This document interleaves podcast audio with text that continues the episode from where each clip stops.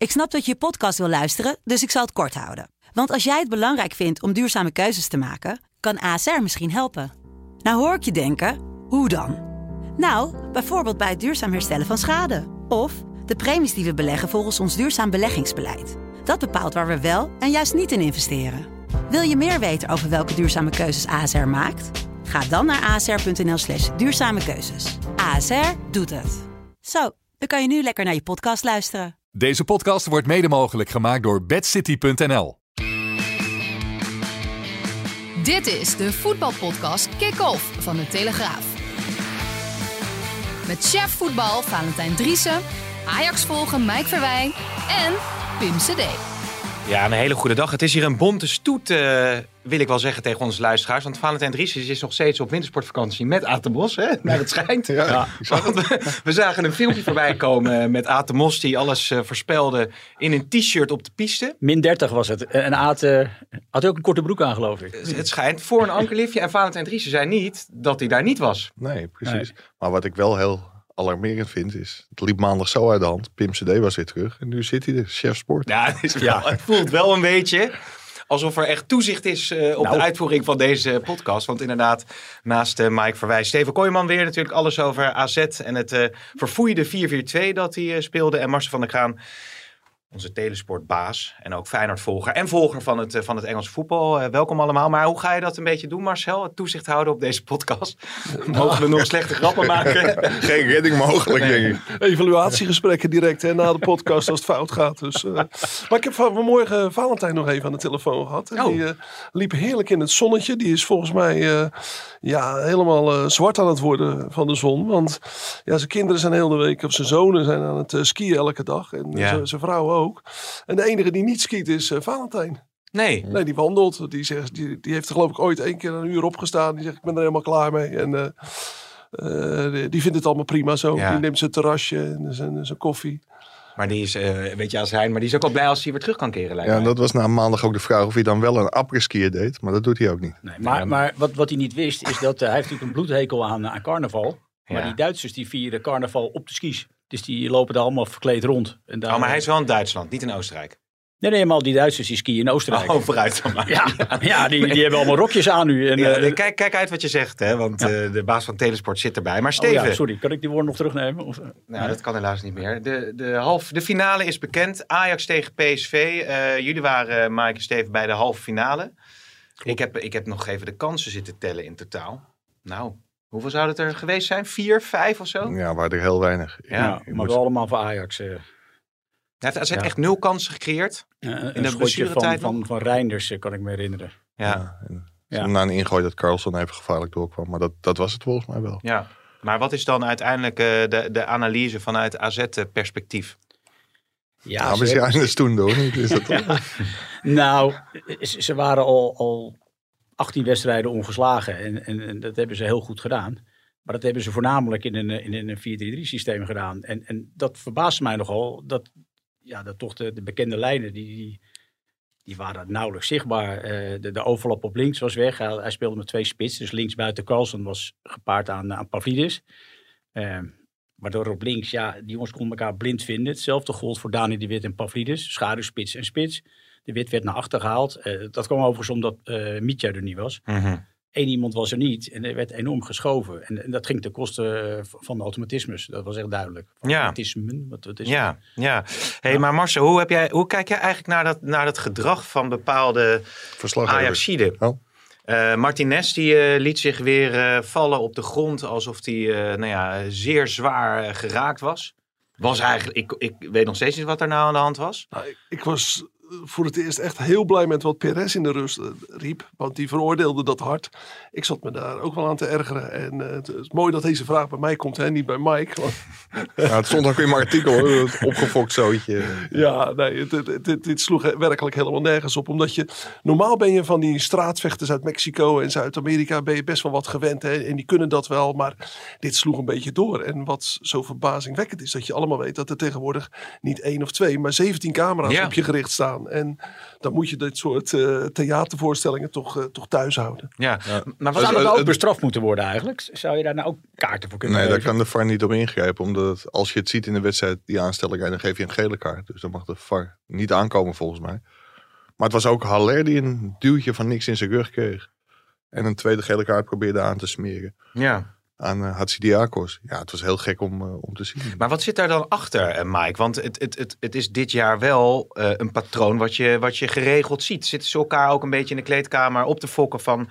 dit is de houding die we moeten aannemen? Hebben ze het geleerd van eh Getafe? Ik, ik weet het niet, maar ik, ik, nog even aan te sluiten bij Steven. Ik denk dat bij Ajax, na de nederlaag bij Go Ahead Eagles, de druk er best wel op stond. En dat ze ook enorm opzagen tegen Carlson. Toch het grote gevaar van AZ. Masraoui was geblesseerd. Rens deed het echt dramatisch tegen, tegen Go Eagles. Net als heel veel anderen. Dus dat was niet alleen die jongste die het heel slecht deed. Maar hij deed het ook. eh, of Gravenberg is de jongste, denk ik. Maar ehm, ja, die spanning zat erop. Dus ik denk dat Ajax ontzettend opgelucht was. Dat, eh, dat Jansen speelde zoals hij speelde. Maar dat dat wel het gevolg was. Dat opgefokte sfeertje in het veld. Hmm. Van de druk die er de afgelopen week op stond. Ja, Marcel? Er blijft altijd wel eh, kwaad bloed tussen Ajax en AZ zitten. Hè? Dat is heel grappig. Eh, tussen AZ en Feyenoord is dat helemaal niet zo. Ja, op eh, directieniveau is dat een eh, paar jaar nu al het geval. Hè? De, de Eenhoorn en Max Huibers, de technisch directeur. En die liggen allemaal weer niet zo goed bij de leiding van Feyenoord en andersom. Maar eh, tussen de spelers blijft dat tussen, die, eh, tussen Ajax en AZ wel zitten. Maar het is grappig dat juist in de persconferentie van Feyenoord, die net is afgelopen, Arne Slot inging op de prestatie van Ajax. En die noemde hij heel professioneel. Hij zegt, ja, het was dus eigenlijk helemaal niet zo aanvallend, niet zo eh, verfrissend als normaal. Maar hij zegt, ja, hoe wordt zo'n prestatie dan beschreven? Ja, dat is professioneel. Eh, met één schot van 20 meter, boem, eh, de boel eigenlijk veilig al stellen. En daarna heel, ja, heb je het weer dat woord, professioneel doorgaan. Maar Ja. dat is kennelijk toch topvoetbal om een finale te bereiken. En dat is misschien ook de manier om AZ eh, te kunnen bestrijden. Want ook tegen Feyenoord notabene in die wedstrijd daarvoor speelde AZ natuurlijk aantrekkelijk. Eh, ook veel kansen gecreëerd, wel met die penalties op voorsprong gekomen. Maar blijkbaar is dit de manier om, om eh, AZ aan te pakken. Even los van de opstelling van AZ. Ja, ja, dat is. Ja. ja. Ja. Ik denk dat het meer in de opstelling zat. Ja, dan. dan Voor, voor, de, voor de podcast is hij altijd zo uitgebreid. nee, maar je geeft zelf het antwoord al. eh, Oh ja. ja. of, of, of dat het nou echt is. AZ heeft ook wel eens. Ik kan me ook wel herinneren dat, dat, dat, dat Wijndal eh, daar iets gek maakte. Of, of eh eh, Ziyech kan ik me ook nog wel herinneren dat die, die wit heet was. Ja, weet Ja. je, omgekeerd gebeurt het ook. Alleen gisteren, ik herinner me een moment vlak voor rust. Dat Abu Lal en die snel eigenlijk alleen voor de keeper kon opduiken. Maar toen kwam Martinez er even met al zijn grinta in en al zijn passie. En eh, kijk, toen was het even nodig ja. zet een blok. En eh, ja, daar lag Abu Klal, die overigens vrij makkelijk altijd naar de grond gaat. Dus ja, weet je, daar, daar, dat was volgens mij het echte verschil. Maar Ja. ik moet zeggen, ik heb dan op tv naar, eh, naar AZ Feyenoord gekeken, gekeken. Maar volgens mij was Feyenoord het eerste kwartier echt heel erg goed. En dat was misschien nog wel overtuigender dan Ajax aanvallend heeft gebracht in de wedstrijd gisteren. ja. Maar ik ben het wel met Marcel eens als je ziet hoe het defensief heeft gestaan bij Ajax. En dat is toch wel een heel groot compliment ook aan Martinez. Perschuurs deed het nu heel goed. Ja, en Onana, die, eh, ja, dat Ja. is wel heel bijzonder. Die werd natuurlijk verguisd door alle supporters. Maar die wordt nu heel langzaam weer in de, in de armen gesloten. Ja, ja, we gaan het zo meteen ook nog hebben over eh, Robin Ruiter. En of die mogelijk naar Ajax komt. Even tussendoor trouwens. Moet je nou eens kijken, jongens. Ik heb twee telegraafpasjes in mijn zakken.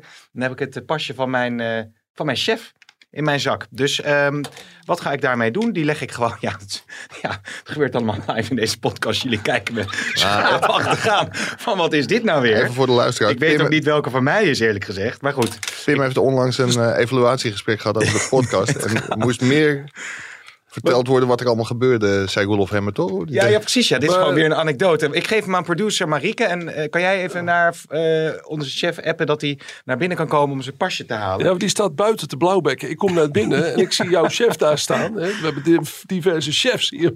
Het is een zwaar beladen podcast. kwam uit zijn oren. Ja. Al bijna eh, vrieskou volgens mij. Hij heeft het heel koud. Ik vroeg me ook af wat hij stond te doen buiten. Ja, Ja. er staat nu iemand bij jouw bureautje allerlei dozen in te pakken. Ik weet niet wat, ik weet niet wat Toch het is. Valentijn dit nooit toelaten. Hè? Dit, eh. Maar dit was nooit gebeurd Nee. onder Valentijn. Ja, die staat met Atemos eh, te skiën. Laten we dan maar naar eh, de stellingen gaan, eh, jongens. Maar hoe gaan we dat doen met z'n drieën? Let maar op. Jullie mogen allemaal antwoord geven. Of zullen we gewoon om zijn beurt eentje doen? Dat is misschien niet zo Nee, gewoon om zijn de beurt. Om zijn beurt. Let maar op. Eh, buitenlandse spelers moeten een contract bij Russische clubs kunnen opzeggen. Eens. Eens.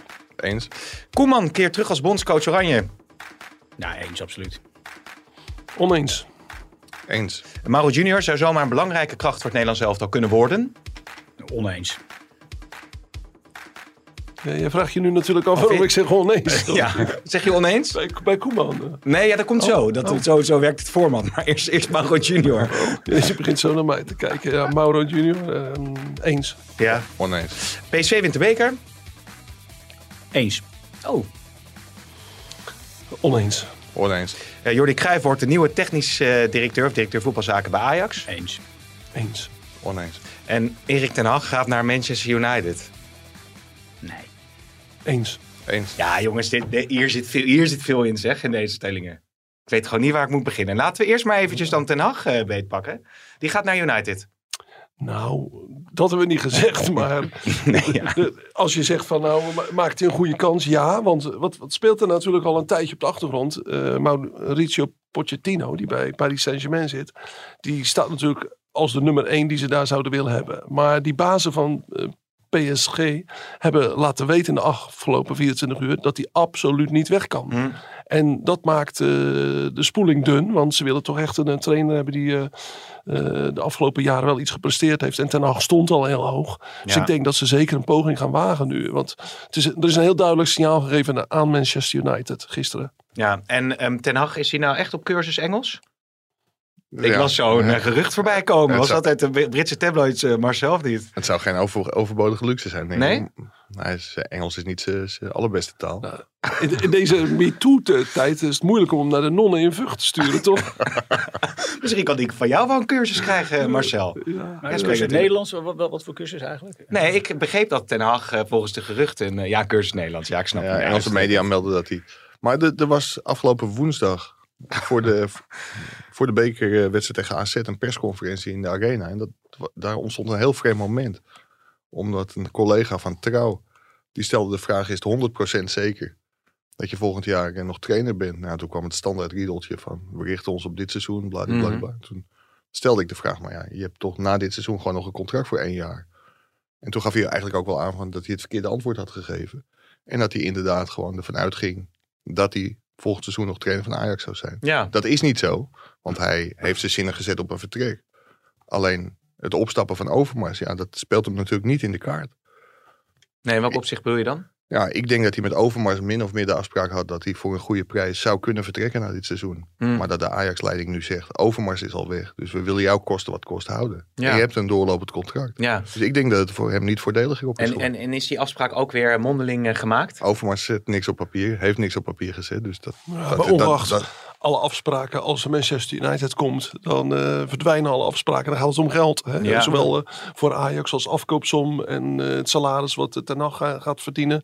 En wat er natuurlijk in zijn voordeel speelt, is eh, de aanwezigheid van Ralf Rangnick, die naar boven gaat. Hè? Naar boven, naar de bestuurskamer Mhm. of naar de technische afdeling. Die wil eh, een soort technisch adviseur worden, fulltime in dienst.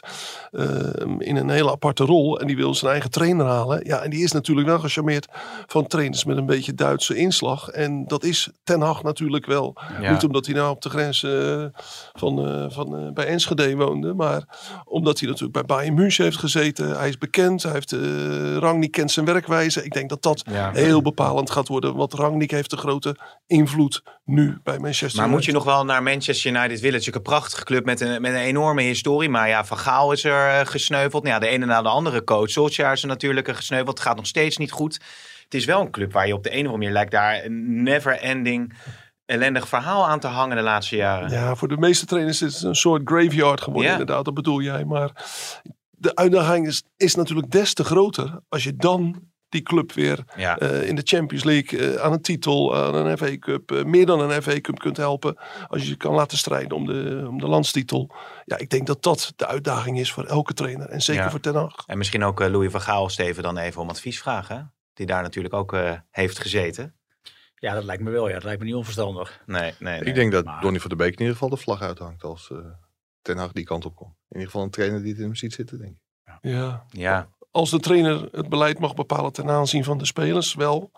Maar als Rangnick dat bepaalt, dan vrees ik dat, eh, dat het moeilijk wordt voor Van der Beek om terug te keren. Ja, heel veel ontwikkelingen op, eh, op dat gebied. Nou, jij, jij schreef, eh, Mike, deze week het verhaal eh, van eh Jordi Cruijff natuurlijk. Die nadrukkelijk, eh, of die is gepolst moet ik zeggen. Of die interesse heeft in de functie als sportief directeur bij Ajax. Hoe, hoe, hoe staat dat er nu voor? Ja, je moet eigenlijk kijken hoe zijn situatie bij Barcelona is. Hij is een vertrouwenspersoon van, eh, van de voorzitter, Juan Laporta.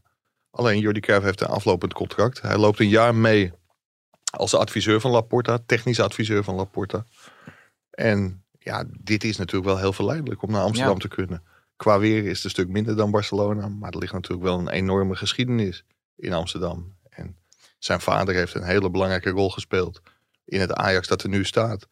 Dus ja, die erfenis kunnen bewaken, dat is misschien wel een hele mooie uitdaging. Ja, maar ik had ook wel het idee, wa- was hij nou, wordt hij nu ook betrokken bij echte onderhandelingen? Ik, ik las die geruchten ook volgens mij rondom Haaland. Dat, dat wordt Nou, ze- dat was geen gerucht. Hij is in Monaco geweest. hè? Precies, maar je zou zeggen als hij zo belangrijk al eh, wordt gemaakt en mee kan lopen op, met dat soort mogelijke transfers, dan heeft hij misschien ook wel toekomst bij Barcelona zelf. Nou, het enige wat, er, ehm, wat je altijd, het gevoel wat je bekruipt bij dit soort zaken die dan naar buiten komen van, is dit eh, mede bedoeld om zijn eigen contractenpositie te verbeteren bij Barcelona?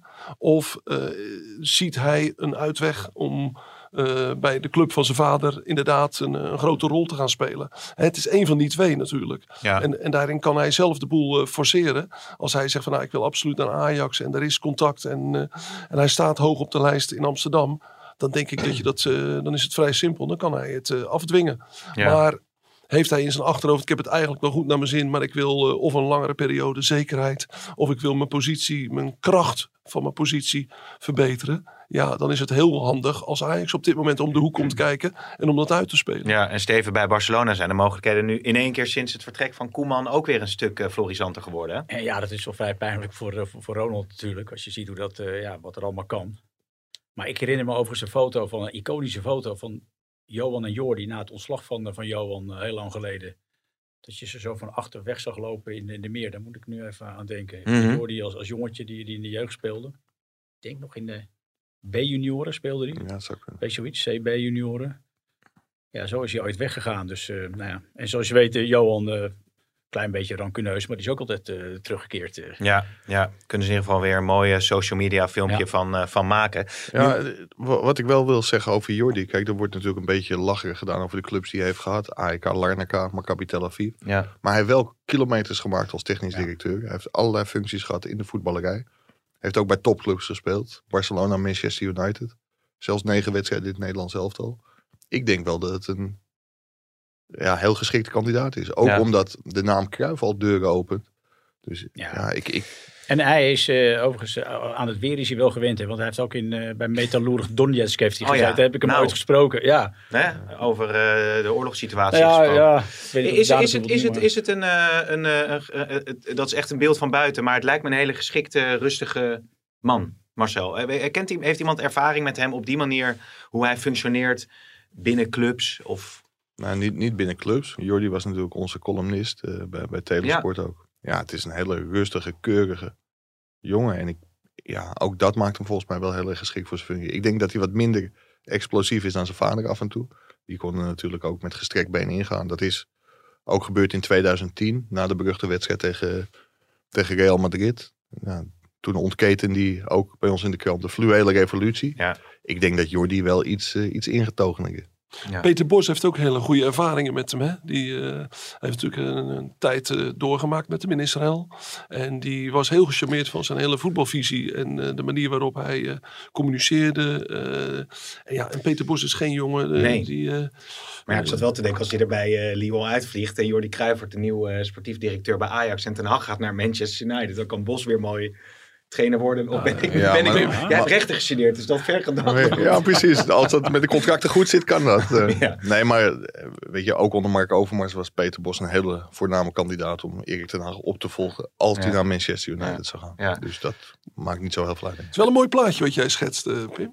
Vind je niet? Ja. Ja, dat dacht ik ook. Ja, Pim doet ook politiek, hè, dus het is... Dus, eh, alle- alles hangt aan elkaar van, van, van complotten en gedachten en eh, noem het maar. Maar maandag waren we nog niet zo ver hè, met dit rekensommetje. Toen hadden we het wel over de tiende plek, geloof ik. Van, eh, Nee, maar ik doe vandaag extra mijn best om dat... eh, Omdat Marcel- om dat, eh, Marcel Ja, ja, het is wel fijn dat je wel een keer scherp bent. Ja.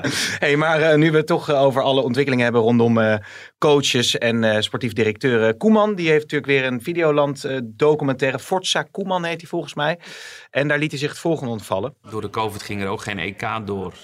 En je wordt bondscoach om, om, om ook een eindtoernooi mee te maken. En dat, dat ontbreekt. Maar ja, als ik daar ooit eh, ja, een kans voor krijg om, om dat nog wel een keer te doen, dan eh, ga ik niet solliciteren. Maar ja dat, dat, ja, dat is wel een klein gemisje, laat ik het zo zeggen. Ja, ik ga niet solliciteren, maar het is eigenlijk een verkapte sollicitatie. ja, maar eh, ja, dit is toch een ideale coach op een eindtoernooi. Op welk moment dan ook. Hmm. Man weet alles. eh, charisma, rustig. eh, heeft heel veel toernooien gespeeld. Ja, Jij ziet het wel gebeuren. Toch zou je wel kunnen zeggen dat het bij Barcelona ook, had, ook al had hij veel blessures en Messi al gedoe, is dat natuurlijk geen succesvol avontuur eh, geworden. Hij heeft wel wat moeizame periodes ook gehad als trainer. Ja, maar niemand had bij Barcelona kunnen slagen. Nee. Niemand had eh, een betere prestatie neer kunnen zetten. Ik denk dat. eh, ik vind het zelf nog steeds dat hij het heel aardig heeft gedaan onder de omstandigheden die werkelijk extreem waren. Mhm. Of hij direct nu gaat terugkeren bij het Nederlands elftal, dat weet ik niet. Want hij heeft ook gezegd: ik ga aan het eind van dit seizoen met Rob Jansen, eh, die tegenwoordig zijn zaken doet, eens om de tafel zitten om te kijken wat er op ons afkomt, wat, wat er in, de mogelijke, in de voetballerij mogelijk is.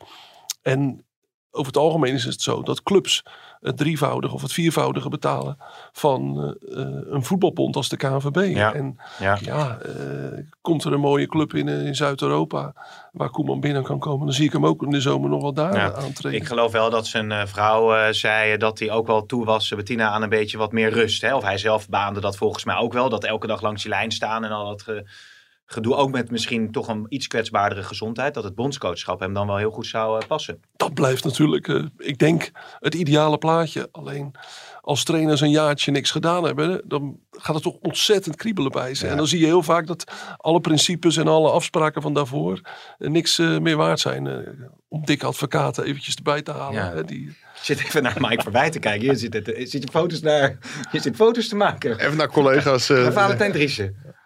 Nee, nou, ik, ik, wil, ik wil loslaten? nu hele slechte opma- eh, Nee, vertel maar. nee, doe maar Nee, niet. ik, ik, ik, ik kreeg, een, eh, ik kreeg een appje of ik nog even een openingetje kon tikken. Of er nog iets in de aanbieding hadden. Oh, en jij... Dus ik stuur van, ik zit nu in de podcast. oh, dus je hebt daar even geen, eh, geen tijd voor eh, wat dat betreft. Er staat, Overigens, staat, staat wel een enorme lul op de foto, maar het was geen dikpik. dit, dit, dit is op het randje. Ja, dit is het dit er maar uit. Hij, eh. hij was jou aan het fotograferen, dus wat is dit? Nee, voor, eh, jij staat op de foto. Oh, erop? 26.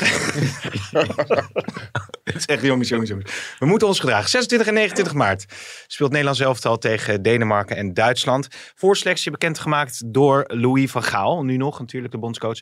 Frimpong en Jordi Klaasie. En geen Gavenberg, Mike. Nee. Sta je ervan te kijken? Daar sta ik gezien het spel van de afgelopen weken niet heel erg van te kijken. Maar ik vind ook dat je als bondscoach in een voorselectie ook wel een verantwoordelijkheid naar jonge spelers toe hebt. En als je ziet hoe hij tegen AZ speelde. Ja, wat was nou voor moeite om zijn naam er ook even bij te zetten. En of hij dan uiteindelijk bij de definitieve selectie zou- zitten of niet. Dat is dan weer de volgende stap. Maar ik denk dat als ik Louis van Gaal was geweest, dat ik hem hier wel bij had gezet. Ja, Jordi Klaasie eh, wel dus. Ja, Terecht. Je noemde hem maandag ook nog in de podcast, hè? ja. Ja, je moet hem afzetten tegen, tegen de andere middenvelders. Maar ja, hij doet het geweldig dit seizoen bij, bij AZ. Eh, oude bekende. En, en Louis was al heel erg gecharmeerd van, eh, van de kleine Haarlemmer. Ja, maar hij heeft toch bij Feyenoord een mooie carrière gehad natuurlijk. Of een mooie periode gehad bij Feyenoord. Maar is hij niet te licht voor het Nederlands elftal uiteindelijk?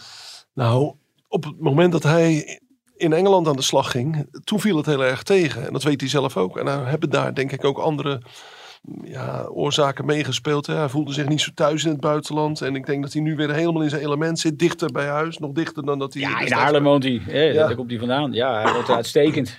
En Aan de mooie Nel woont hij. Oké. Ja, Ja, aan het water. Schets dat is. Wat is dat voor... eh, Nou ja, Haarlem wordt de Spaarnerstad geno- genoemd, hè? De, de, de, klok tikt verder, jongens. Hoeveel hebben we? Dus ik ga vertikken. Maar die mondt ook onder andere uit in de mooie Nel. En een beetje daar bij die sprong, daar, bij die tweesprong daar. eh, Oké. Ah, ik weet niet of, Mooi of huis. ik dit allemaal mag vertellen. Tuurlijk Privacy. dat, eh, Maar hij zat wel in een Ja, hij zit er goed. enorme dip eh, na, na zijn periode in Engeland. En het heeft be- best een tijdje geduurd voordat hij weer helemaal in zijn oude vorm was. En het verbaast een heleboel mensen, en mij ook eigenlijk, dat hij op dit moment zo goed is. Want dat is best eh, bijzonder als je ja, zo'n zo'n crisis hebt meegemaakt. Ja. Hij was gisteren een van de weinigen die op de been bleef. Hè. In die eerste helft dat, dat AZ echt, echt slecht speelde. Als je naar hem kijkt en in de tijd dat we nog op de training mochten komen. Toen Teun uh, Koopmeiners op zijn plek stond. Dan dacht je wel eens van. Het kan gewoon niet dat Klaas die niet speelt. Nee. Die Nee. is zo ontzettend goed. Maar ja, Koopmeiners, eh, Italiaanse media, lyrisch over Koopmeiners zag ik er deze week al voorbij komen hè, bij ons in de krant. Twee goals Ja. hè, op zijn verjaardag. Hoeveel abonnementen? Drie. Oké. Heel goed. Maar die, die Klaasie die heeft iets heel bijzonders. Want toen hij eh, jeugdspeler was, wilde iedereen bij Feyenoord eh, van hem af. En toen zei Stanley Brard, nee, wat er ook gebeurt. eh, jullie kunnen hem allemaal te klein vinden, maar hij blijft. Want deze jongen wordt een topper. En die gaat het Nederlands elftal halen. Die gaat Feyenoord 1 halen. En eh, dat ventje dat maakte elke dag de, de treinreis van Haarlem naar Feyenoord. Of naar Rotterdam. En hij heeft daar wel gelijk in Ja. gekregen. En, en Ja. dat zat er dus toen al in. Dat hij een enorme drang heeft om als winnaar uit de strijd te komen. En die Frimpong, eh Steven, die, die, ken, die ken jij enigszins. Die is door, door Peter Bos toen naar Leverkusen gehaald. Mag, mag eh, ik nog heel, heel even Tuurlijk? Ja, Hij- absoluut. Hij kreeg volgens mij een, eh, een gele kaart van zijn oude buurjongen Serdar Biuk. Dat Ja. zijn ook, ook bekend. buurjongen, Ja, dat zijn ook bekende. Volgens mij is dat Is dat dan ook waar, waar, waar Ja. Steven schetste? ook, Nee, aan, de, nee, ook, dit- dit is- de eh, Oh. Nee, nee, nee. Dit was meer bij de club waar hij vandaan kwam. De DSK. Uit de, de, Amsterdamse, Amsterdammer buurt of zo. Heet En hoe woonde eh. die daar? Eh, Nee, goed. Idee. vertel, eh, Ja. Mike. Ja, ik, ik weet nog dat wij het nieuwtje hadden, het primeurtje, dat eh Klaas naar AZ zou gaan. En toen was daar wel heel veel verbazing over, omdat hij, wat Marcel net ook terecht zei, toen echt in een hele slechte fase van zijn carrière zat. Maar als je dan ziet hoe hij zich gewoon weer naar een vaste basisplaats heeft geknopt. Ja. Ik vind dat wel heel knap. En als de beloning dan, dan komt in de vorm van een voorselectie voor het Nederlands elftal. Prachtig. Hij heeft in 2014 ook een heel belangrijke rol gespeeld op het bronzen, op het bronzen WK. Ja. Hij, hij moest van ver komen. Hij was ook niet fit. Dat, dat, dat, dat hoor je nu heel vaak. En dat vind ik toch vreemd. Want hij heeft ook bij Brugge gespeeld. En bij Feyenoord. Je zou denken dat hij daar toch ook Ja. topfit zou moeten zijn. Maar blijkbaar is het, eh, nou ja, moet je bij AZ nog fitter Onder. Jans is in ieder geval een belangrijke pion. Uh, Frimpong wil ja nog, kijk, het is natuurlijk de voorselectie, dus is de vraag of ze de definitieve selectie halen. Maar Frimpong doet het goed nu, blijkbaar, in Duitsland dan. Ja, die, die, die speelt het hele jaar al als, als rechtsback bij Leverkusen. Dat is toch een, eh, een ploegje wat, wat derde staat. Uit mijn hoofd, maar vierde. Ja, Speelt echt goed. Ja, is een interessante jongen. Komt uit, eh, van, van Ghanese kom af. Komt uit, eh, is geboren in de Bijlmer. Eh, waar wonen die precies? Nee, nee. hou, op. Maar die is al, die, die mensen zijn naar Engeland verhuisd. En volgens mij is hij daar, eh, ja, daar is hij opgevallen eh, ergens op school of, of noem maar op. En is hij bij Manchester Ja. City vrij, zeg maar, gratis naar binnen gelopen. En daar heeft hij zijn hele, hele jeugdopleiding gevolgd. Spreekt overigens nauwelijks Nederlands.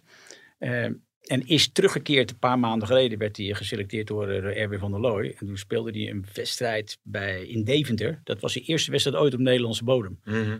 Vrij eh, opmerkelijk Ja. natuurlijk. eh. Ja. Maar hij heeft een verstandige eh, weg gekozen. Hij is, volgens mij, Virgil van Dijk heeft dat ook gedaan. Die is, eh, bij Celtic kon hij lekker meevoetballen. En het, eh, het is een klein jongetje. Het is echt klein. Hij is bloedsnel. Ja. Hij heeft een aardige trap, eh, goede inzicht. Maar hij is echt klein. Maar daarin heeft hij wel geleerd om een, om een kerel te worden. oké. Dus hij, hij kan ook in een eh, pubquiz eh, of in een voetbalquiz terechtkomen. Er wordt altijd de vraag gesteld van welke spelers hebben nooit in de Eredivisie gespeeld, maar wel in het Nederlands elftal. Ja. Hesselbe- Oh ja. Ja, is, is er daar één van. En Ja. er is nog een, Dus als- nog een lijstje. Als je naar deze podcast luistert, dan weet je straks eh, al die Eh, antwoorden. hebben, we nog, hebben we nog platen van James Last Nou, ik zit even te kijken, want we gaan het nu even hebben over Abramovic. Maar is het toepasselijk om James Last er nu in te gooien als we zo'n serie... Heeft James Last niet een of andere zware eh, oorlogswals eh, gecomponeerd? Nee, ik ken hem niet. Nee? Valentijn is er niet, hè? Nee, nee, die kent natuurlijk alle nummers. Gooi hem er maar heel even in. Het is toch eh, voor eh, de herkenbaarheid van deze geliefde podcast bij de mensen. Gaan we het zo ook wel over Pascal Jans hebben nog, niet? Dat kan, zeker. Als je nog eh, iets eh, spannends hebt eh, daarover, dan, Nou, ik, vond dan dat hij, ik vond dat hij na de wedstrijd een paar opmerkelijke uitspraken had. Onder Oké. meer over de te late bus van... Nou, dat is wel nog iets om even aan te raken, inderdaad. Zeg, dat was wel gedoe, hè? Maar Abramovic, eh, Marcel, die heeft eh, eh, geld. Ja, die, Marcel, voor de luisteraars, die heeft de koptelefoon opgezet om naar James Last te luisteren. Die denkt, nou, dit is dus James Last. Ja, ja. daar zijn mensen echt fan van. Het mag En, voor mij iets langer. hoor. Ja? Ja. Oh, dat kritiekpuntjes. Door, so- door, door, sommige twitteraars als eh, James Overlast. eh. Ja, is dat zo? ja, ja, zeker. Maar ehm Abramovic die heeft, eh, die wil de club verkopen. Eh wegens alle gevoeligheden natuurlijk in de oorlog Ja. in Oekraïne. En die gaat het geld naar een Oekraïnse bank overmaken. Ja, eh, binnen tien dagen denken we dat het al gebeurd zal zijn, dat die club verkocht is. Er zijn natuurlijk nu eh, grote onderhandelingen gaande met eh, die Zwitser en met een Amerikaan. Die, gaan dat, die willen het eigenlijk samen overnemen. Ik denk dat dat ook wel gaat gebeuren. Het zijn ook de enige serieuze kopers. En ja, als er niet veel gegadigden zijn, ben je bijna gedwongen om daarmee zaken te Mm. doen. Dus ik denk dat andere kopers ook ervan af worden gehouden. Eh, ze verwachten eigenlijk dat Chelsea een- voor een miljard minder dan wat het waard is, wordt verkocht. En hoeveel dan? Hoeveel is dat Nou, in plaats van, hij wilde 3 miljard voor hebben eh, voor, voor de club. En eh, eh, dat zal, daar zal zeker een miljard van afgaan. Hmm. Het is echt eh, bizar wat, er, eh, wat voor bedragen dit zijn. Maar er is natuurlijk heel veel ingestoken. Maar wat, wat speelt er nou op de achtergrond rond dat geld wat hij naar de Oekraïne wil brengen? En daar, is, daar gaan hele hardnekkige geruchten over op dit moment in Engeland en in Londen. Het is natuurlijk al heel opvallend dat hij als een vriend van Poetin opeens zijn geld wil eh, sluizen naar Oekraïne. Ja. Het land waarmee Poetin vecht. Nou, ja, de geruchten zijn dat hij dat naar Oekraïne brengt. En het daar stalt totdat Oekraïne Russisch is. En op het moment dat dat kan hè, eh, binnen een paar maanden zijn, dat kan ook heel lang duren. Maar dan zou hij toch weer bij dat geld kunnen eh, komen. En hij kan bepalen wat gaat er naar het goede doel, wat gaat, gaat er naar de bevolking, wat gaat er naar de wederopbouw. Eh, en dat kan ook zijn dat, eh, dat hij het in die stichting laat zitten, maar dat het uiteindelijk, als Oekraïne Russisch is, eh, eh, dat het uiteindelijk toch Hmm. in Rusland blijft. Hmm.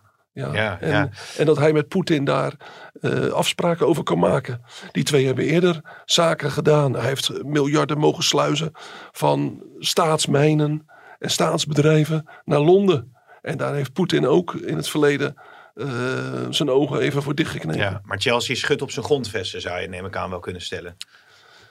Bij Chelsea hopen ze dat de nieuwe eigenaren eh, net zo scheutig zullen zijn als Abramovic. Maar ik vraag me dat af, want die hebben niet de onuitputtelijke voorraden en bronnen en geldzakken zoals Abramovic. Dus binnen de, de top van het Engelse voetbal denken ze dat dit wel eens een eh, flinke verschuiving in die top 4, top 5 kan gaan veroorzaken. Ja, ja, Ja, hopen, ze, hopen ze dat ook bij Vitesse? Want ik- er zijn natuurlijk wel wel wat belangrijke geldstromen. hè, de- elk jaar schijnt er een aardig gaatje te worden gedicht. Vanuit, eh, Vanuit Rus- Rusland. Russisch, Russisch Londen. Ja, Ja, precies ja. Want hoe dat, ja, Vitesse heeft ook weer een soort statement, excuus, een soort statement afgegeven, hè, dat ze eh, de, de, de- ja, voor de vrede en tegen geweld, ja, dat is dan wat die clubs nu doen op dit moment. Maar die club is gewoon in handen van een vriendje van Abramovic. En Abramovic is degene die steeds het geld of de aandelen heeft verplaatst. Eh, hij heeft ze in eerste instantie aan eh, Jordania eh, gegeven. Hè? En, nou, en die moest eigenlijk gewoon, het was een soort zetbaas.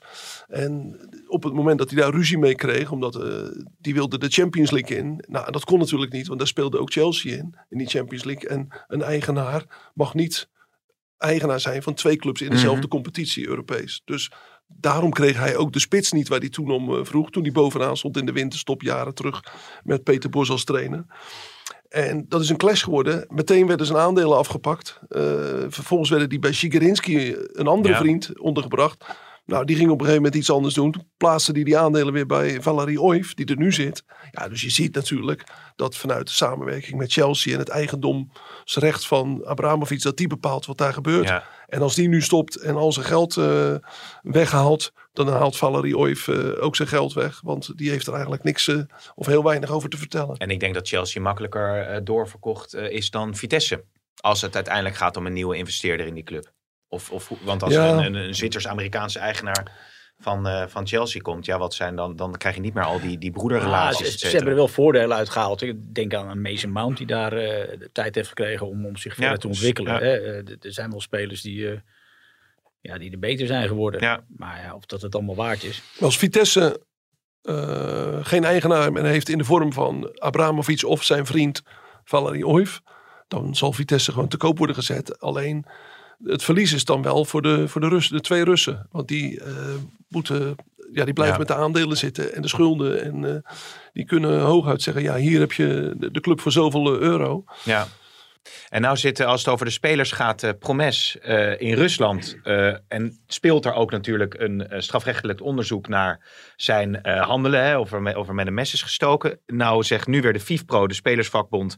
Spelers, buitenlandse spelers in Rusland, die moeten transfervrij kunnen vertrekken. Dat is een interessante situatie voor hem, maar ook voor vele anderen natuurlijk. Jorrit Hendricks, Guus Stil. Heb je daar iets over gehoord? Hoe dat, hoe dat eh, nee, niet, niet in de zaak? Promes. Maar volgens mij zit Promes niet in Rusland om zijn strafzaak te ontlopen. Volgens mij heeft hij zich ook elke keer keurig gemeld. Ja. Ja. De advocaat Ja. gewoon Ja. goed contact met het OM. Dus ik denk niet dat hij naar Rusland is gegaan om dit. Ik denk wel dat hij heel graag weg wilde bij Ajax. Want er werd natuurlijk wel heel veel over gesproken, over geschreven. Maar ja, het, het is natuurlijk ook meer dan terecht. Volgens mij zei iedereen ook op de stelling... eh, of spelers die in Rusland voetballen hun contract moeten kunnen laten ontbinden eens. Ja, daar wil je nu niet zitten. En ik denk dat de FIFA daar wel een, eh, wel een uitzondering voor moet kunnen maken. En dat biedt, ondanks natuurlijk, ja, dat is het cynisme misschien eh, van de oorlog, maar het biedt ook weer mogelijkheden voor bijvoorbeeld een, eh, een Feyenoord. Om spelers die misschien niet haalbaar leken, alsnog eh, aan te kunnen trekken. Mits het zo loopt. Ja, Guus Til en eh, Jorrit Hendricks willen zeker niet terug naar Rusland. Dat hebben ze al intern al te kennen gegeven. En de vraag is alleen, hoe gaan zij van hun eh, contract afkomen? Nou, ik denk dat er eh, bij de FIFPro heel veel rechtszaken gaan komen. Dat er heel veel advocaten moeten gaan eh, duiken in de contracten en overeenkomsten van al die spelers die in Rusland zitten. Buiten Guus Til en buiten Jorrit Hendricks. Want het wordt een hele klus om die jongens ja, weer vrij te krijgen. Hè? Om ze naar eh, West-Europa te halen. Maar dat die zaken, eh, strafzaken eraan komen, of die rechtszaken, die, dat is zeker. Ja, Ja. Maar Feyenoord zit wel op het vinkentouw om ze meteen eh, vast te leggen dan. ja, Maar ja. vergis je niet, hè? veel van die jongens hebben bewust voor Rusland gekozen. Ja, niet vanwege het mooie weer of de mooie steden daar, maar vanwege het geld.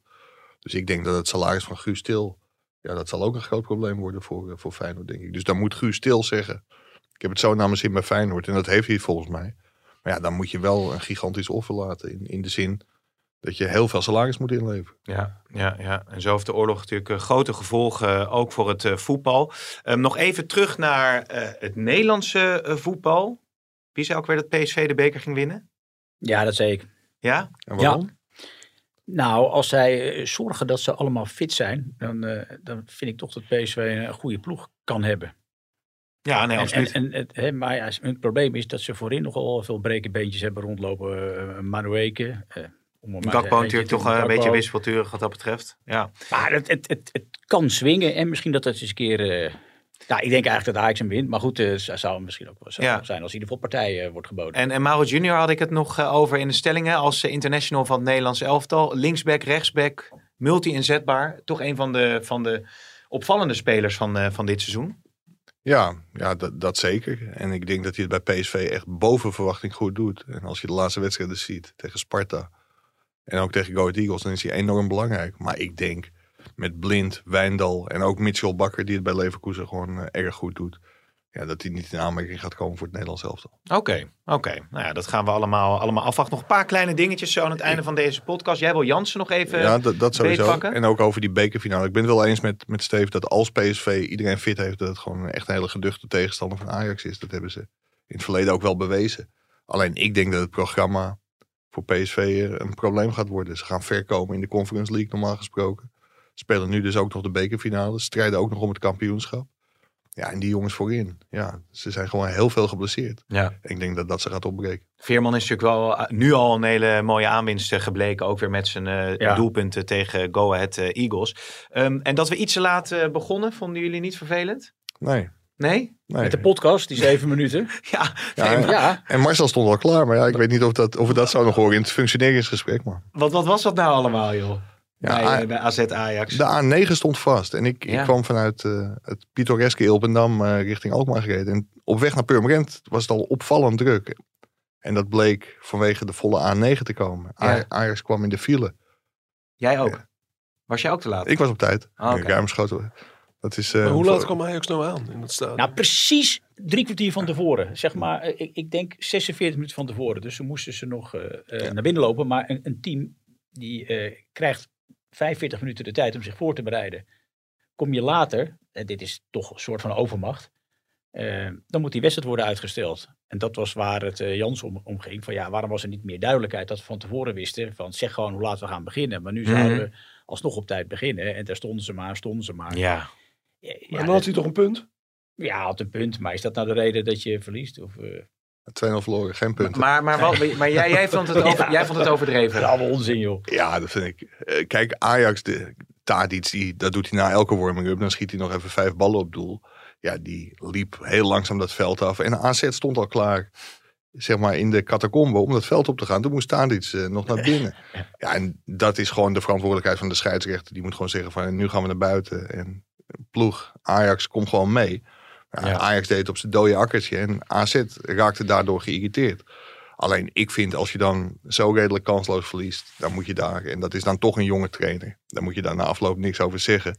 Zeker niet als jouw ploeg eh, 90 minuten eh, te laat is gekomen. Ja, ja, ja, ja. Oké, oké, oké. Nou ja, jongens, ter afronding, omdat er veel vragen over binnen zijn gekomen.